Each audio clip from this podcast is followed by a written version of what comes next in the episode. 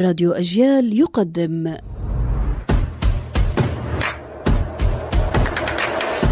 أصل الكلام عارف حجاوي التندة فوق باب الدكان إيطالية تندا ونحن جعلناها تندة بالفتحة على وزن برندة. والبرندة إيطالية أيضا.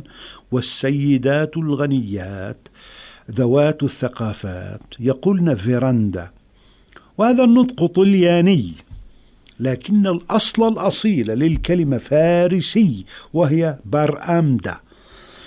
أخذها العرب وقالوا برندا ومعهم ذهبت إلى الأندلس. فمن العرب أخذها الإسبان والطليان.